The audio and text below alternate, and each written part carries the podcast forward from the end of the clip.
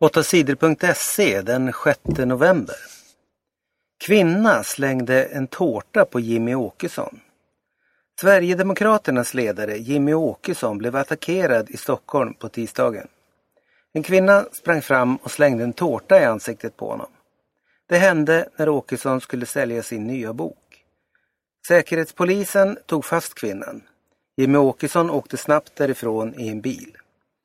Det är hemskt att människor försöker tysta oss på det här sättet, säger Sverigedemokraten Linus Bylund. Flera Sverigedemokrater har råkat ut för hot och attacker. En liten bomb sprängdes på natten mot tisdag utanför ett hus i Bohuslän. Mannen som bor i huset är medlem i partiet Sverigedemokraterna. Någon hade satt fast bomben på hans bil. Ingen människa skadades i attacken. Flera andra medlemmar i Sverigedemokraterna i västra Sverige har fått saker förstörda. De har också blivit hotade. Inget fredsmöte om Syrien. Det blir inget fredsmöte om Syrien i Schweiz den här månaden.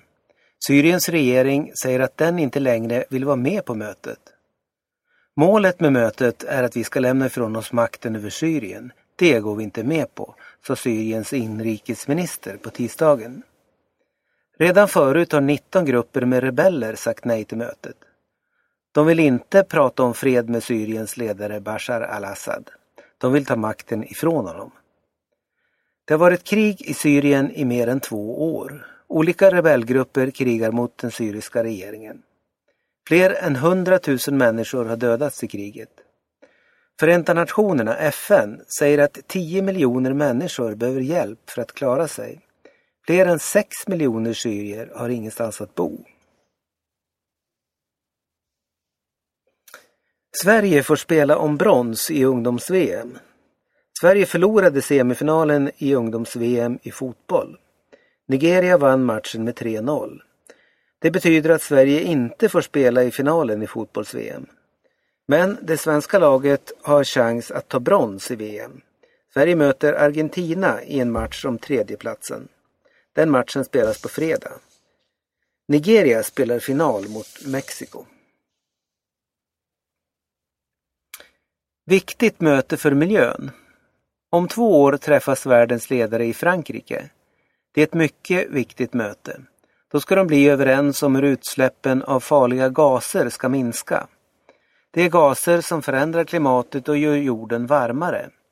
Alla länderna ska skriva på ett avtal för vad de ska göra för att miljön ska bli bättre. Redan nästa vecka möts länderna i Polen. De ska bestämma vad alla länder ska göra fram till mötet i Frankrike. Det blir ett svårt arbete, vi har ont om tid, säger Sveriges miljöminister Lena Ek. Det närmaste året ska alla länder tala om vad de tänker göra för att minska utsläppen.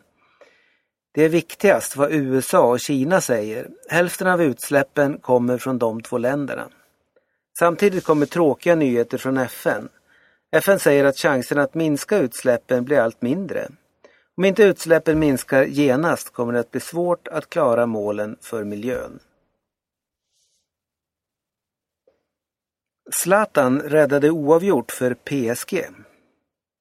Zlatan och hans klubb PSG spelade på tisdagen mot Anderlecht från Belgien i Champions League. PSG gjorde ingen bra match. Anderlecht ledde länge med 1-0. Men i slutet av matchen gjorde Zlatan mål. Han sköt ett skott i stolpen och var sedan framme och slog bollen i mål. PSG leder sin grupp i Champions League. Vinner PSG nästa match är laget klart för åttondelsfinal. Många vill stoppa strippklubb i Kiruna. En restaurang i staden Kiruna har öppnat en strippklubb. Där dansar halvnakna tjejer för gästerna. Nu har det blivit bråk om strippklubben. Många protesterar och vill stänga klubben. Gruvföretaget LKAB har slutat samarbeta med restaurangen. Vi har inga affärer med dem så länge de håller på med det här, säger Anders Lindberg på LKAB till tidningen NSD. Många människor protesterar också på Facebook. De vill stoppa strippandet. Vi är inte glada åt det här, säger Kirunas kommunalråd Kristina Zackrisson. Det är inte olagligt med strippklubbar.